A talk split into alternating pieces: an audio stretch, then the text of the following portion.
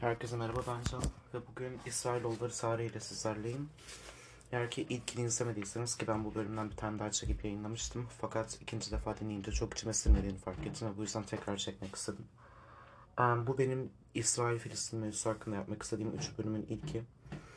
Um, ilk bölümde şu anda da olduğu gibi İsrailoğulları tarihini konuşacağım.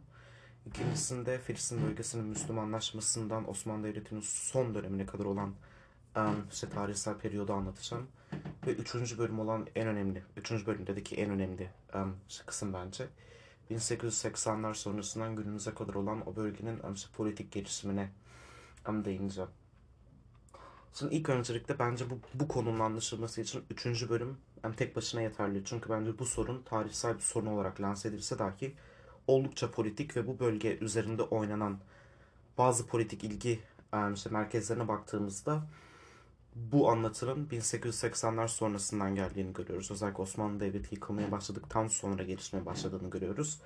Fakat yine de en nihayetinde bu sorun üzerinde iki tane taraf var ve bu taraflardan bir tanesi İsrail tarafı ya da daha doğru bir tabirle Ziyonist bir taraf. Ve Ziyonistlerin verdikleri bir takım argümanlar var ve bu argümanları anlamak için bence kendi tarihlerinden en azından biraz olsun haberdar olmamız lazım. Ve bu yüzden İsrailoğulları tarihini anlatarak başlamak istedim.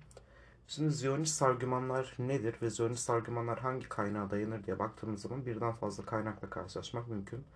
Fakat bana kalırsa en önemli eserlerden bir tanesi 1896 yılında olması lazım. Tarihi yanlış hatırlıyor olabilirim ama 1880'ler sonu sonunda yazılan Am der Judenstaat isimli bir kitap ve Judenstaat Almanca'da Yahudi devleti demektir ve bu kitap içerisinde anlatılan şey çok basit anlamıyla şu Avrupa'da belirli bir Yahudi sorunu mevcuttur. Avrupa'da artan Yahudi popülasyonu Avrupa'nın kendi politik atmosferi içerisinde bir sorun teşkil etmeye başlamıştır. Ve bu Yahudi sorununa getirilebilecek en iyi çözüm Yahudilerin kendi bağımsız devletini kurmasıdır gibi bir anlatı mevcut bu kitap içinde. Fakat bu Yahudi devleti hangi coğrafyada kurulacak diye bir soru sorduğumuzda bunun aslında bu zamanlarda belirli bir tartışma konusu olduğunu görüyoruz. Mesela ilk öncelikle Arjantin içerisinde bir Yahudi devleti kurulabilir mi gibi tartışılıyor. Fakat eğer ki siz bir bağımsız devlet kurma amacıyla yola çıkıyorsanız yanınızda toparlamanız gereken bir kamuoyu olması lazım. Yani halkın ya da insanların onayını kazanmanız lazım. İnsanların gözünde meş meşru olmanız lazım. Ve bu meşruiyetin nereden geldiğine baktığımızda da Filistin coğrafyasının ya da Kenan diyarının Yahudilerin ana vatanı olduğu ve onların kutsal toprakları olduğu anlatısı karşımıza çıkıyor. Ve bu anlatı doğru mu ya da bu anlatı hangi anlat hangi kaynaklara dayandırılıyor gibi bir soru sorduğumuzda da karşımıza çoğunlukla dini metinler çıkıyor. Ve bu sebepten ötürü Ziyonist argümanları daha iyi anlamak adına, Ziyonist bağlamı daha iyi anlamak adına İsrailoğulları tarihini anlatarak başlamak istedim. Um, Şimdi bence İsrailoğulları tarihi kendi başına da ilginç bir konu. Yani Filistin ve İsrail meselesinden bağımsız olarak da bence bu bölümü dinlerseniz ilginizi çekecek olan bazı um, bilgilerle karşılaşacaksınız. Fakat onun haricinde de zaten anlattığım gibi İsrail mevzusu, İsrail-Filistin özelinde de önemli bir anlatı olduğunu düşünüyorum. Şimdi İsrailoğullarını tarihsel bir bağlam içerisinde anlatmak çok zor bir hem görev aslında. Bunun zorluğunun sebebine baktığımızda ilk öncelikle çok fazla kaynak var. Ve her kaynak farklı bir şey söylüyor. Yani Yahudi metinlerine baktığımızda, eski ayda baktığımızda ya da Yahudi tarihçilerin kendi anlatılarına baktığımızda çok farklı bir tarihle karşılaşıyoruz. Hristiyan anlat anlatılarına baktığımızda biraz daha farklı bir tarihle karşılaşıyoruz. Ee, İslami metinlere baktığımızda, Kur'an-ı Kerim içerisinde de daha İslami, yani işte dini bir bağlama baktığımızda bambaşka bir tarihle karşılaşıyoruz. Yani Yahudi metinlerinde olmuş gibi lanse edilen ya da olmuş gibi anlatılan pek çok şeyin Kur'an-ı Kerim içerisinde geçmediğine ya da olmadığına rastlıyoruz. Ve bütün bunlardan ziyade arkeolojik ve tarihsel akademik bulgulara baktığımızda da yine elimizde yani işte bambaşka bir senaryo mevcut. Ya bu sebepten ötürü hangi kaynağı kullanacağız? Hangi kaynağı kullanırsak bu sorunu anlamamız için bizim için daha yardımcı olur sorusuna ben yanıt olarak Yahudilerin kendi kutsal metinlerini seçme kararı aldım. Çünkü en nihayetinde bu argümanlar Yahudi tarafından geliyor ve günümüzde dahi oldukça fazla dini anlatı yapılıyor bu konuda ve insanların kendi argümanlarını dayandırdıkları kendi kaynaklarından bence bu sorunu işlemek bizim algımız için daha e, objektif olacaktır diye düşündüm. Ve bu yüzden bu podcast'in ilk kısmında daha dini bir anlatı yapmaya gayret edeceğim. Fakat ilerleyen kısımlarında bu dini anlatılar hangi noktalarda tarihsel bizim bildiğimiz akademik bilgilerle çelişiyor onlara da değineceğim. Diyorum ve yavaş yavaş başlıyorum. Şimdi İsrailoğulları tarihini konuşmadan önce Yahudi dinini daha iyi anlamak adına bu dinin İslamiyet'ten ve Hristiyanlıktan ayrılan bazı yönlerini anlatmak isterim. Şimdi öncelikle Yahudilik dini bizim bugün bildiğimiz kadarıyla um, işte demir çağı döneminde burada yaşayan bazı Sami kavimlerin inandığı bir pagan dinine dayanıyor ve bu pagan dinin adı Yahvizm. Yahvizm dediğim gibi çok tanrılı bir din sistemi. Yahve ana tanrı ve ana tanrının etrafında bulunan bazı yardımcı tanrılar var. Ve e, burada yaptığımız arkeolojik çalışmalar bize özellikle ilk İsrail Krallığından ve ilk Yahuda Krallığından öncesinde burada yaşayan toplumların çok tanrılı bir din sistemine mensup olduğunu gösteriyor. Fakat Yahuda Krallığı kurulduktan sonra ya da burada yaşayan işte kavimler daha merkezi bir otorite çevresinde şekillenmeye başladıkça, bir uygarlık inşa etmeye başladıkça bu çok tanrılı sistemin hem daha monoteistik bir anlayışa kaydığını ve aslında burada dini bir evrim yaşandığını görüyoruz. Ve e, şu anda bu çok tanrılı sistemden kalma bazı e, şeylerin şu anki Yahudi anlatılarında da varlığını koruduğunu da görüyoruz. Yavaş yavaş anlatayım o zaman. Şimdi mesela ilk diğer iki semavi dinden farkı Yahudiliğin. Yahudilikteki ana tanrı olan yani tek tanrı olan daha doğrusu Yehova'nın her şey gücünün yetmemesi. Mesela Tevrat'a baktığımızda yani Tanrı'nın evreni belirli bir süre içinde e, yarattığına ve bu süre anlatısı içerisinde belirli zamanlarda dinlenme ihtiyacı hissettiğine rastlıyoruz. Ya da yarattığı dünyada olan biten her şeyden anında haberdar olmadığını, haberdar olmak için işte meleklerle dünyadan bilgi alması gerektiğini fark ediyoruz. Ya da kızdığını görüyoruz, pişmanlık duyduğunu görüyoruz, öfkelendiğini görüyoruz. Ve bu tarz karakter özellikleri aslında bize Yehova'nın her şeye gücü yeten bir tanrı değil de sanki daha eski. Yani bu çok tanrılı din sistemindeki, Yahvizm'deki ana tanrının bir başka formu olduğu um, bilgisi karşımıza çıkıyor burada da. Bunun da sebebi şu. Eski Yahvizm'de pek çok tanrı vardı fakat ana tanrı Yahve'ydi. Ve daha tek tanrılı bir sisteme doğru evrilirken Yahve, Yahve'nin yanında bulunan um, o diğer tanrıların yani işte melek adını aldığına ve tanrı statüsünden düştüğüne um, rastlıyoruz. Ve buradan da anlaşılabileceği gibi aslında Yehova Yahve'den devşirilen bir tanrı olduğu için bizim bugün İslamiyet'ten ya da Hristiyanlıktan aşina olduğumuz o tek tanrıya çok da yakınsamıyor aslında.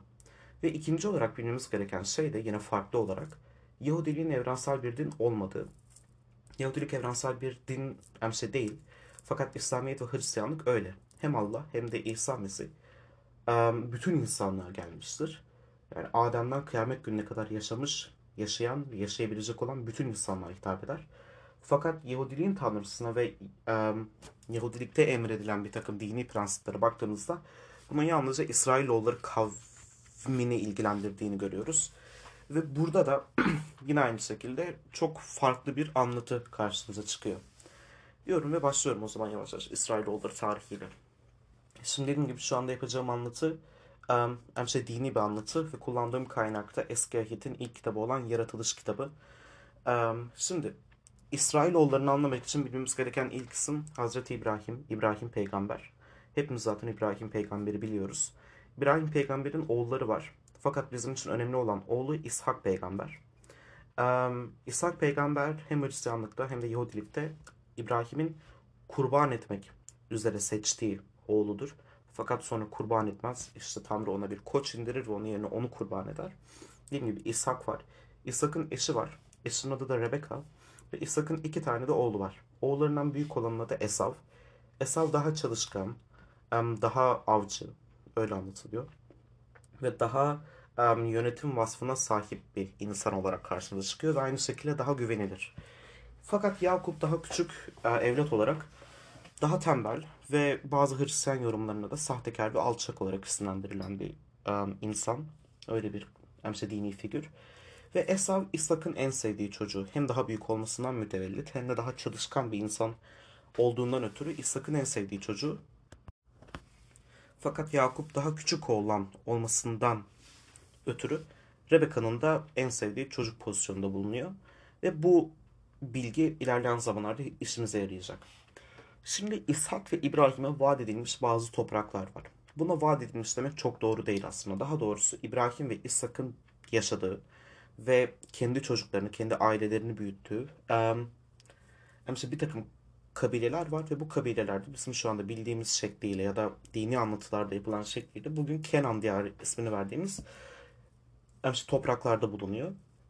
Ve İshak ilerleyen yaşlarda oğullarından birini kendinden sonra gelecek olan kavimlere önderlik etmesi amacıyla ve bu topraklarda hüküm sürmesi için işte kutsamak istiyor. Ve kutsamak istediği oğlu da Esaf. Neden? Çünkü Esav'ı daha çok seviyor ve daha iyi bir lider olarak görüyor. Fakat İshak yaşlanmaya başladıkça gözleri görmemeye başlıyor. Ve bir gün Esav uzaklardayken Rebecca Yakup'a Esav'ın kıyafetlerini giydiriyor ve diyor ki babanın yanına git o seni kutsasın diyor. Yakup Esav'ın kıyafetleri içerisinde babası İshak'ın yanına gittiğinde İshak kıyafetlerin kokusundan Esav'ın geldiğini zannediyor ve Yakup'u yanlışlıkla kutsuyor. İshak her ne kadar daha sonrasında bu hatasını fark etse dahi yaptığı kutsama işlemini geri alamıyor ve bu şekilde Yakup sahtekarlık yaparak kendini babasına zorla kutsatmış oluyor. Ve bunu öğrenen Esaf çok kızıyor ve diyor ki ben Yakup'u öldüreceğim, ben kendi kardeşimi öldüreceğim diyor. Ve bunu diyen Yakup ve Rebeka çok korkuyor ve Rebeka Yakup'u uzaklara yolluyor ve bu şekilde Yakup'un belirli bir sürgün hayatı başlamış oluyor aslında. Bu sürgünde Yakup'un başına gelenler çok mühim değil. Fakat iki karısı, iki cariyesi ve bir takım çocukları oluyor. Ve sonrasında kendi ana vatanına geri dönmek istiyor yıllar sonrasında. Kenan diyarına geri dönmek istiyor. Ve geri dönmek için yola çıkmışken bir haber alıyor ki Esav Yakup'u öldürmek için bir ordu toplamış ve Yakup Esav'a doğru gelirken Esav da Yakup'a doğru geliyor ve bu şekilde Yakup çok korkuyor ve Tanrı'ya dua etmeye başlıyor ve diyor ki lütfen beni kutsa, kardeşim öldürmesin. Ben bu sürecin sonundan sağ çıkayım diye. Ve Yakup evine doğru yol alırken başına çok ilginç bir olay geliyor. Bu olay Kur'an-ı Kerim'de geçmez fakat eski ahitte olan en önemli olaylardan biridir aslında ve şu anki konumuz olan İsrail Filistin içinde de çok önemli bir pozisyona sahip. Ben bu başına gelen olayı anlatmak yerine direkt olarak Yaratılış kitabından bir işte bölüm çevirmeye karar verdim. Yaratılış 32. kısım 22'den 32'ye kadar okuyorum. Pardon 31'e kadar okuyorum. O gece Yakup kalkıp iki karısını, iki cariyesini ve 11 oğlunu alıp Yabbok nehrini geçti. Onları nehrin karşı kıyısına gönderdikten sonra bütün mal varlığını da gönderdi. Ve böylece Yakup yalnız kaldı ve bir adam sabaha kadar onunla güreşti. Adam kendisini yenemeyeceğini anlayınca Yakup'la güreşirken kalçasının çukuruna dokundu ve kalçası burkuldu. Adam, artık bırak gideyim çünkü gün ağrıyor dedi. Bu bir adam diye bahsedilen kişinin kim olduğunu bilmiyoruz. Yani tam olarak hangi varlığı temsil ettiğinden um, kesin bir şekilde emin değiliz. Fakat genel olarak ulaşılmış bilgi şudur ki bu figür işte tanrısal bir figür. Bazı kaynaklarda Tanrı'nın ta kendisi olduğu lanse ediliyor. Fakat bazı kaynaklarda da bu adamın Tanrı'nın bir meleği olduğu anlaşılıyor. Fakat aslında burada bu kişinin bir işte melek mi olduğu ya da Tanrı'nın ta kendisi mi olduğu çok önemli değil.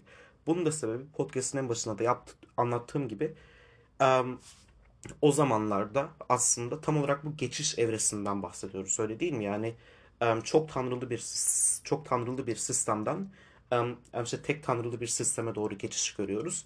Ve bu geçiş esnasında ha melekmiş ha da tanrıymış çok önem arz etmiyor aslında. Çünkü her ikisi de aynı kapıya çıkıyor çoğu anlatı sonucunda.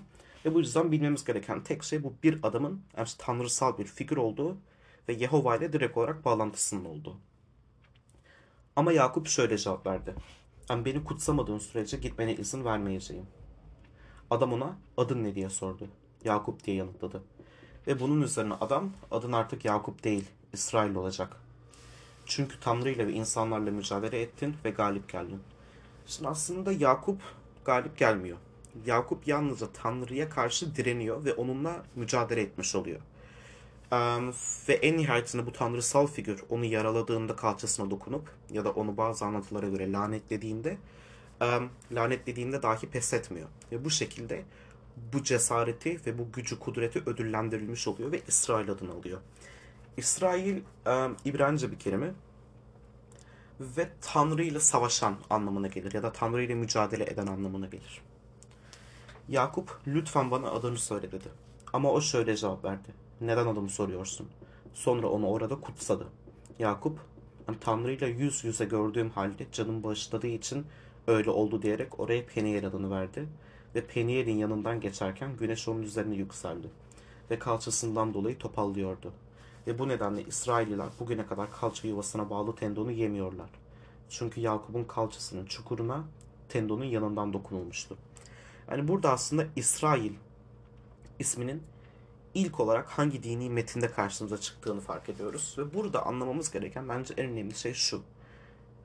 Bu tanrısal figür Yakup'un iyiliğine ya da ya da dürüstlüğünü ödüllendirmiyor.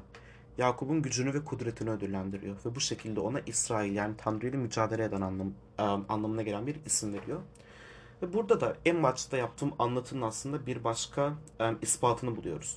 Yehova bizim İslamiyet'ten ya da Hristiyanlıktan aşina olduğumuz bir tanrı figürü değil.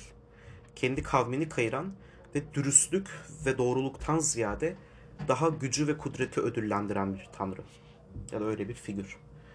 Peki bu vaat etmiş toprak mevzusu hangi dini metne dayanıyor diye baktığımızda burada da yine yaratılış 35. kısmı okuyabiliriz. Ve Tanrı ona şöyle dedi. Senin adın Yakup'tur ama artık sana Yakup denmeyecek. Adın İsrail olacak. Ve böylece ona İsrail adını verdi. Ve Tanrı ona şöyle dedi. Ben her şeye gücü yeten Tanrıyım. Ve bereketli olsun ve sayılar artsın. Senden bir millet ve milletlerden oluşan bir topluluk çıkacak ve senin soyunun arasından krallar olacak. İbrahim'e ve İshak'a verdiğim toprakları sana da veriyorum. Bu toprakları senden sonra senin soyuna da vereceğim. Buradan anlamamız gereken şey de şu. Yakup peygamber ya da yeni adıyla İsrail Tanrı ile güreşerek ya da bu tanrısal figürle güreşerek yalnızca kendini kutsatmış olmuyor. Kendinin, kendi soyundan gelecek olan diğer bütün kavimleri de kutsatmış oluyor kıyamet gününe kadar. Ve bu şekilde bu toprakların egemenliği İsrail'in soyundan gelecek olan halklara geçmiş oluyor. Yahudi dini bağlamı içerisinde. Ve biz bugün e, ilk işte Yaratılış 32'de de okuduğum gibi Yakup'un 11 oğlu var fakat 12 oğlu oluyor. Yakup'un 12 oğlundan, oğlunun soyundan gelen kavimlere, kabilelere, ailelere Yahudiler diyoruz. Ve 12 Yahudi kavmi buradan geliyor aslında.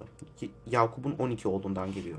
Bu şekilde Yahudiliğin dini bir bağlam içerisinde nereden geldiğini anlamış oluyoruz. Akabinden, akabinde Kenan diyarında yerleşim kuruyorlar 12 oğluyla beraber ve bu 12 oğlunun da kendi çocukları oluyor. Ondan sonra Yakup'un bir adet oğlu var. Bu oğlu bizim de bildiğimiz Yusuf peygamber. Yusuf peygamber kardeşleri tarafından eziyete maruz kaldıktan sonra ya da eziklendikten sonra yani işte Mısır'a gidiyor ve Mısır'da ilk başlarda köle olarak var olsa da sonrasında Firavun'un gözüne girerek çok yükseliyor. Büyük bir yani işte devlet insanı oluyor. Ve babası Yakup'u, Yakup'un diğer oğullarını yani kendi kardeşlerini ve Yakup'un oğullarının çocuklarını Mısır'a aldırıyor. Ve rivayet öyledir ki bu kavim Mısır'a ilk geldiğinde 70 kişi fakat 4 kuşak sonra 600 bin kişiye ulaşıyorlar. Ve um, yine burada aslında artık ikinci ayetin ikinci kitabı olan Exodus yani Mısır'dan çıkışa baktığımızda da şöyle bir anlatıyla karşılaşıyoruz. Mısır'da artan bu Yahudi, bu Yahudi nüfusundan mütevellit Mısır Yahudileri bir tehdit olarak görmeye başlıyor ve bu kavmi köleleştiriyor. Ve köleleşen bu kavim Musa eşliğinde um, işte Mısır'dan çıkıyorlar. Ve işte Mısır'dan çıkarken Firavun um, kölelerin Emşe peşinden giderken Kızıldeniz'de boğularak ölüyor. Burada zaten bildiğimiz anlatı Musa işte Kızıl Emşe deniz ikiye, ikiye yarıyor ve bu şekilde Firavun boğuluyor ve Mısır'da tutsak bir şekilde yaşayan Yahudi halkı özgürleşmiş oluyor aslında. Fakat yine dini metine baktığımızda çok da özgürleşmiyorlar aslında. Çünkü Mısır'dan çıktıktan sonra yine bu Kenan diyarında 40 yıl boyunca dolaşıyorlar. Ne yapacaklarını bilemiyorlar. Bunun da sebebi aslında lanetlenmiş olmaları. Orayı da çok kısa anlatayım. Konumuzla çok alakası yok ama ilginç bir bilgi. Kur'an-ı Kerim'de Bakara suresi vardır ya. Bakara öküz ya da boğa demekti. Her neyse. Yani işte Bakara öküz demek ya da boğa demek. Çok fark yaratacağını düşünmüyorum şu anda bu bilginin. Her neyse.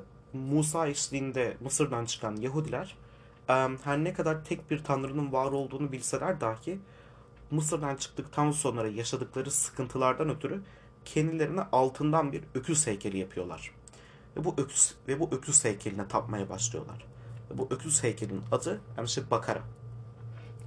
Ve bunu gören Musa Emşe dağa çıkıyor ve Tanrı'dan on emir alıyor ve bu şekilde kavmine tekrardan bakın sizin Tanrınız Yehova'dır siz hala putperestlik yapıyorsunuz şeklinde Emşe Tanrı'nın emirlerini tekrardan kendi kavmine yeniliyor. Şimdi çok güzel bir hikaye değil mi Exodus? ünlü falan zaten.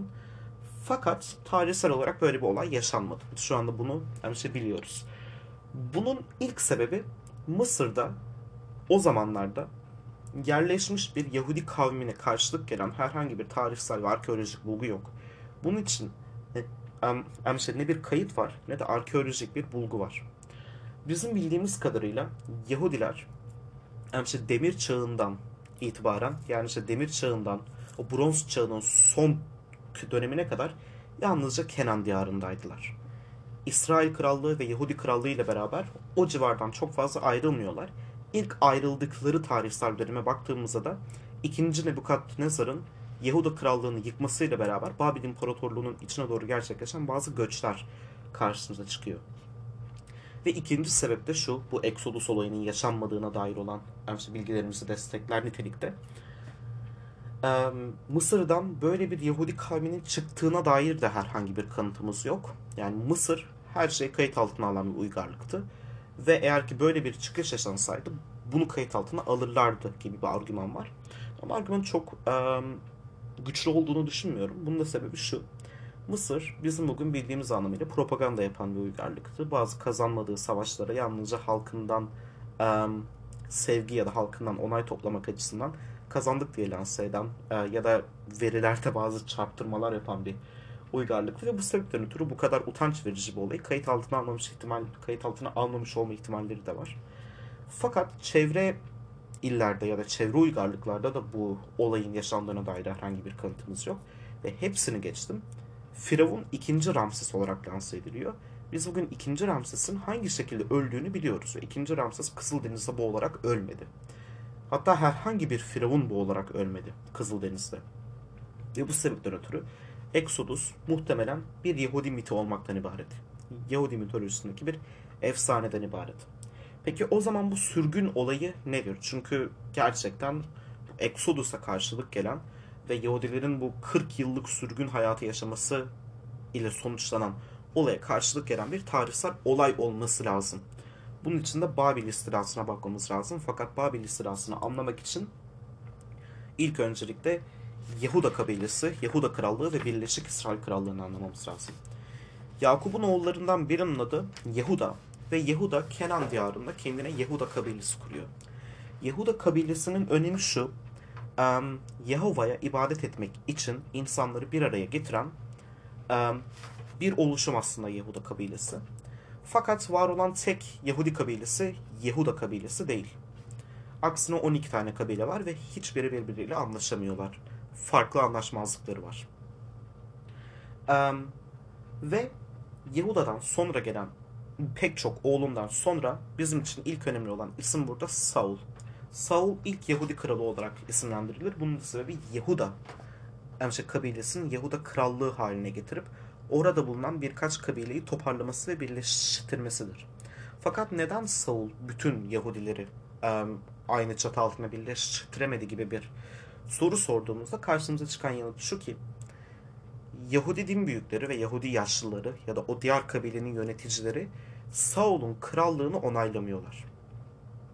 Fakat Saul'un oğlu olan Amşe Davut babasının yapamadığını başarıyor ve 12 Yahudi kavmini birleştirerek ilk Birleşik Yahudi Krallığını kuruyor. Peki bunu hangi şekilde yapıyor? Bunu dini bir bağlamda incelemek istiyorsak eğer, işte Davut bir dev ile mücadele ediyor ve bu devi işte tek başına yeniyor. Ve bu devin adı da Goliath. Ve bu devi Yahudi krallığına karşı kim kışkırttı diye baktığımızda da gerçekten tarihsel olarak orada yaşamış olan antik Filistinlileri görüyoruz. Şimdi çok hızlı gitmek istemiyorum burada. Ve burada şöyle bir uyarı da yapmak istiyorum. Az önce anlattığım anlatı oldukça dini bir anlatıydı öyle değil mi? Yani mesela Davut peygamberin bir dev ile güreşmesi tarihsel bir gerçeklik arz tabii ki. Fakat orada yaşayan antik Filistinler olarak bizim bugün adlandırdığımız bir uygarlık var. Buna uygarlık demek çok doğru değil fakat öyle bir kavim var orada. Ve her neyse işte Davut bu devi yendikten sonra İsrailli din büyüklerinden onay alarak ilk Birleşik İsrail Krallığını kuruyor. Güzel. Bunu kapattıktan sonra biraz antik Filistinlileri daha detaylı anlatayım. Antik Filistinler bizim bugün bildiğimiz Filistinliler değil ilk öncelikle. Bu kavmin kökeninde ne olduğunu da tam olarak bilmiyoruz. Hakkında bildiğimiz çok az şey var. Ve bildiğimiz ilk şey Ege kökenli bir halk oldu ve bir deniz kavmi oldu. Ve Ege bölgesinden, Anadolu'nun içinden Doğu Akdeniz kıyılarına kadar eşkıyalık yaparak geliyorlar ve en nihayetinde Doğu Akdeniz kıyısında tam o Kenan diyarının Filistin Doğu Akdeniz'le birleştiği kenar kesimde 5 şehirlik bir Pentapolis inşa ediyorlar. Şimdi dediğim gibi biz bu insanların kökeninin ne olduğunu bilmiyoruz. Fakat Sami bir kavim olmadığı aslında net. Ve kendi konuştukları dilleri de bilmiyoruz. Fakat bu insanların ibadet ettikleri şekillere baktığımızda bulduğumuz arkeolojik bulgularca tanrılarının isimleri Sami din Sami dillerden geliyor. Semavi diller, Semavi dil ne ya? Sami dillerden geliyor. Fakat bunun da sebebi bu kavmin Sami bir kavim olması değil daha öncesinde bahsettiğim gibi orada hali hazırda var olan Yahudi inancını kendi inançlıları olarak emce benimsemeleri ve aslında onlardan etkilenmeleri. Ve biz bu antik Filistinlilere baktığımızda orada yaşayan Yahudi kavimleriyle sürekli bir gerilim halinde olduklarını görüyoruz. Birbirlerini sevmiyorlar. Bunu da e, anladığımız bazı dini metinler var.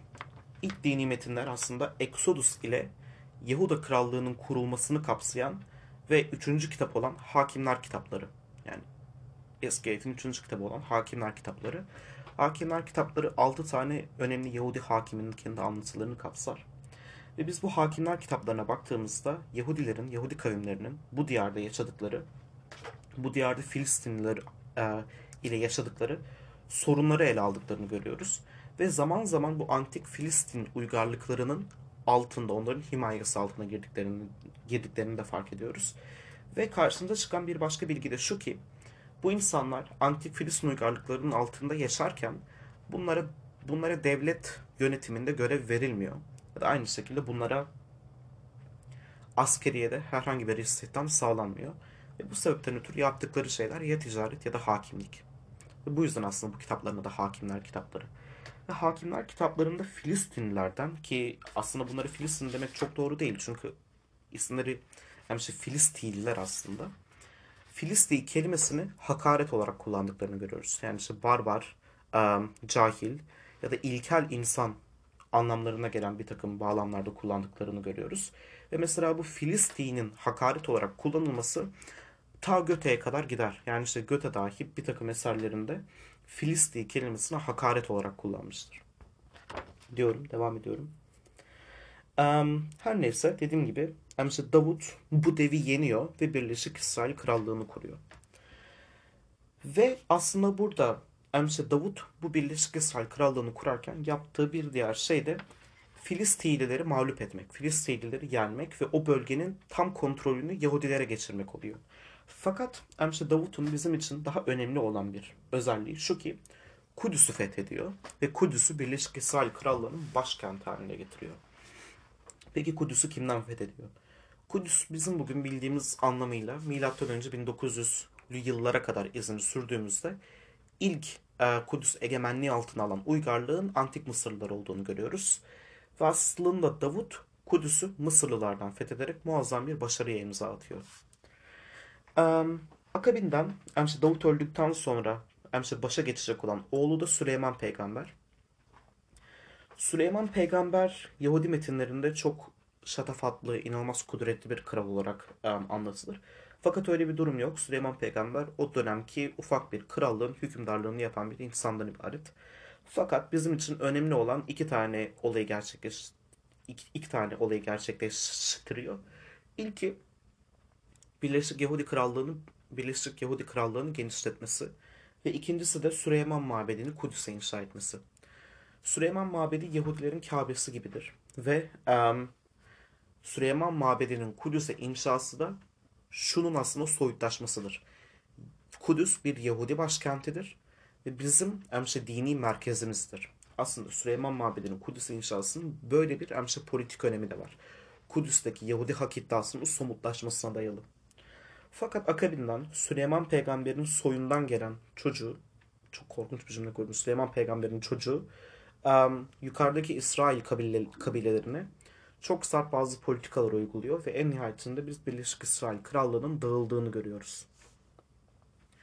Ve dağıldıktan sonra Yahuda Krallığı yine kendi başına bir krallık olarak varlığını sürdürmeye devam ediyor. Fakat akabinden Babil himayesinin altına giriyor. Ve burada aslında Babil işgalinden bahsetmeye yavaş yavaş başlayabiliriz. Şimdi Yahuda Krallığı Babil e, İmparatorluğu'nun himayesi altındayken aslında kendi kendi din özgürlüklerine sahipler. Ya da kendi e, halklarıyla özgürce yaşayabiliyorlar. Fakat yine de en nihayetinde bu krallık başka bir imparatorluğun himayesi altında. Ve Babil İmparatorluğu Mısır'ın üzerine yürüyor ve Mısır'la bir savaş gerçekleşiyor ve bu savaşı kaybediyor. Bu savaşın Babil İmparatorluğu tarafından kaybedilmesinin şöyle bir önemi var. İmparatorluk altında yaşayan bazı uygarlıklar bu savaşın sonucunda şöyle bir cesarete kapılıyorlar ki bakın imparatorluk güç kaybetti. Eğer ki biz isyan çıkartırsak kendi bağımsızlığımıza kavuşabiliriz. Ve bu şekilde Yehuda Krallığı'nın isyan ettiğini görüyoruz. Bu isyanı gerçekleştirdikten sonra bizim Babil istilası olarak adlandırdığımız olay gerçekleşiyor. Ve 2. Nebukadnezar eşliğinde Yehuda Krallığı'nın ve Kudüs'ün içinden geçiriliyor ve yerle yeksan ediliyor. Ve bu Babil istilası sırasında Süleyman Mabedi yıkılıyor. Yani ilk mabet Babiller tarafından yıkılmış oluyor. Şimdi ilginçtir ki bu Babil emşe motifi İncil'de kıyamet günü anlatılarında sıklıkla kullanılır. İncil'de kıyamet gününün hangi şekilde gerçekleşeceğine dayalı çok emşe detaylı bazı anlatılar var. Ve anlatılan hikayelerden biri de şu ki kıyamet gününde bir emşe canavar gelecek ve aynı şekilde İsa Mesih de orada olacak. Ve bu canavar ve İsa Mesih birbirleriyle savaşacaklar ve İsa Mesih bu canavarı emşe mağlup edecek. Bu canavar kimdir ya da bu canavar nedir diye baktığımızda aslında bu hikayelerde bu canavarın Babil İmparatorluğunu ya da Babillileri temsil ettiğini görüyoruz. Ve buradan anlamamız gereken şey şu ki Babil istilası sonrasında imparatorluğun içine doğru göçe mecbur göçe mecbur bırakılan Yahudilerin ne kadar eziyet çektiğini fark ediyoruz. O kadar eziyet çekmişler ki kendi yazılı kültürlerine, kendi yazılı miraslarına Babil İmparatorluğunu şeytanlaştırarak, onu canavarlaştırarak geçirmişler. Ve aslında buradan dahi insanların, Yahudilerin bu olay neticesinde ne kadar acı çektiğini fark etmiş oluyoruz. Fakat Babil istilası sonrasında Ahameniş İmparatorluğu imparatorluğunca ki Pers İmparatorluğu'na karşı gelir. Pers İmparatorluğu'nun daha genişlemiş haline karşılık gelir. Kenan diyarının ve Kudüs çevresinin tekrardan Yahudi himayesi altına geçtiğini görüyoruz. Her ne kadar Pers İmparatorluğu'nun altında bulunsa dahi Pers İmparatorluğu Yahudilere karşı çok ılımlı davranıyor ve hatta Süleyman Mabedi'nin onarılmasına ya da tekrar inşa edilmesine destek veriyor. Ve bu şekilde Ahmeniş İmparatorluğu altında Kudüs'te ikinci Süleyman Mabedi kuruluyor. Yani ikinci mabet kuruluyor. Ve üçüncü bir emşe mabet olmayacak ama onu anlatmak için Roma dönemini anlatmamız lazım.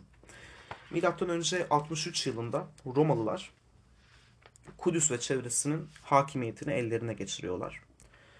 Ve aslında burada yine Yahudilere belirli din özgürlükleri veriliyor. Fakat burada şöyle bir sıkıntı var ki o zamanlarda Roma İmparatorluğu paganizm içerisinde yer alıyor. Yani çok tanrılı bir din sistemine sahip. Ve um, Yahudilerin benimsediği tek tanrılı din sistemi Yahudi din insanlarına karşı bir tehdit unsuru oluşturmaya başlıyor. Bu yüzden Yahudilere verilen bazı din özgürlükleri alınıyor ve yavaş yavaş Yahudilerin ikinci sınıf insan konumuna geçmeye başladığını görüyoruz. Ve bu sebepten ötürü Yahudiler tekrar isyan ediyorlar. 7 yıl sonra isyan ediyorlar. ve bizim ilk Roma Yahudi Savaşı olarak isimlendirdiğimiz tarihi olay gerçekleşiyor. Bu savaşta tabii ki Roma kazanıyor. Ve ikinci Süleyman Mabedi yıkılıyor. Ve bu olay sonrasında Yahudilerin köleleştirildiğini, zorla Avrupa'nın içerisine göç ettirildiğine e, biz şahit oluyoruz aslında. Ve burada yine önemli olarak gerçekleşmiş olan olaylardan biri dediğim gibi Süleyman Mabedi'nin, 2. Süleyman Mabedi'nin yıkılması ve 3. Süleyman Mabedi'nin hiçbir zaman için inşa edilmemesi. Şu anda ikinci mabetten ayakta kaldığına inanılan tek yapı Kudüs'te bulunan ağlama duvarıdır. Ve Yahudiler tekrardan bir mabet inşa etmezler. Bunun da sebebi şudur ki Yahudiler halen bir Mehdi'nin geleceğine, Mehdi değil, Yahudiler tekrardan bir Mesih'in geleceğine inanırlar. Ne İsa Mesih'in ne de Hazreti Muhammed'in gerçekten peygamber olduğuna inanmazlar. Bunun da sebebi şudur. Muhammed peygamberin Yahudi olduğuna inanmıyorlar ve onlar hak peygamberin yalnızca Yahudi soyundan geleceğine e, dayalı bir inanca sahipler. Fakat Müslüman bazı camialarda Muhammed'in Yahudi olduğu anlatılır. Fakat bu da dediğim gibi oldukça tartışmalı bir konu ve Yahudilerin ikna olduğu bir konu değil. Peki neden İsa Mesih'e inanmıyorlar diye baktığımızda da karşımıza çıkan şey şu ki onların anlattığına göre bunu Hristiyanlar inanmıyor fakat İsa çarmıha gerildikten sonra Tanrı'ya Tanrım neden beni bıraktın diye isyan etmiştir. Ve bu Yahudi anlatısına göre gerçek bir peygamberin söyleyebileceği bir şey değildir. Çünkü Tanrı'ya isyan ediyor öyle değil mi? Ve bu sebepten ötürü Yahudiler halen Mesih beklerler. Ve bekledikleri Mesih gelince Süleyman Mabedi'ni inşa edecek ve gerçek Yahudi çağı o zaman başlayacaktır.